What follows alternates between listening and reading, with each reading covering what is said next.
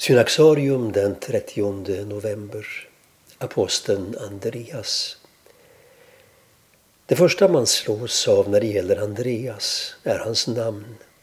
Det är grekiskt, inte hebreiskt. En antydan om en inte oviktig kulturell öppenhet i hans familj.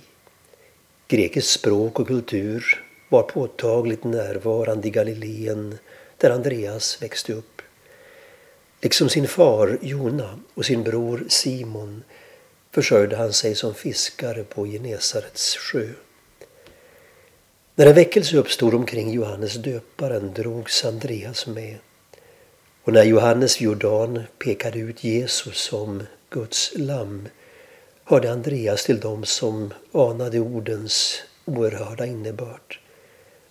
Han blir den första av apostlarna som Jesus kallar. I den bysantinska liturgin tilltalas han som protokletos, den förstkallade. Andreas söker omgående upp sin bror och utbrister Vi har funnit Messias.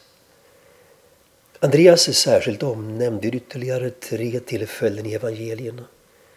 Det första är när han finner pojken med de fem bröden och de två fiskarna och för honom till Jesus.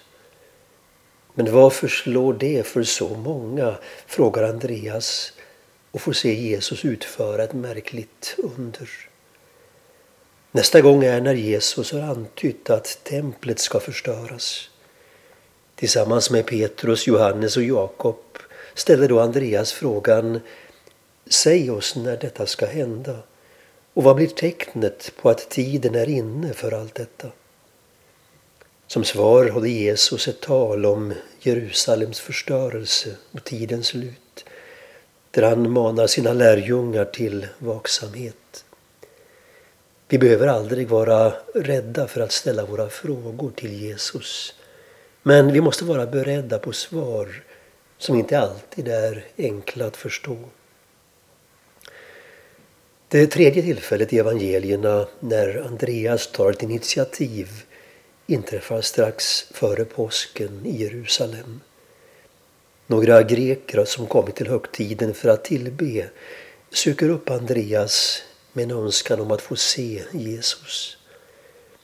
När Jesus hör det uttalar han orden om vetekornet som måste falla i jorden och dö för att bära frukt. Svaret rymmer en långtgående profetia. Genom sin påsk skulle Kristus bli livets bröd, inte bara för alla greker. Kyrkan skulle omfatta alla folk och länder. Liksom Simon Petrus kom till Rom för att utföra det uppdrag Jesus gett honom betraktas Andreas i den tidiga kristna traditionen som den grekiska världens apostel. Inom den ortodoxa kyrkan vördas han som Konstantinopels förste patriark på motsvarande sätt som Petrus i den katolska kyrkan anses vara Roms förste biskop. Bandet mellan de två bröderna blir ett tecken på de två systerkyrkornas nära släktskap. Enligt traditionen blev Andreas korsfäst likt sin mästare fast på ett X-format kors. Ett så kallat Andreas kors.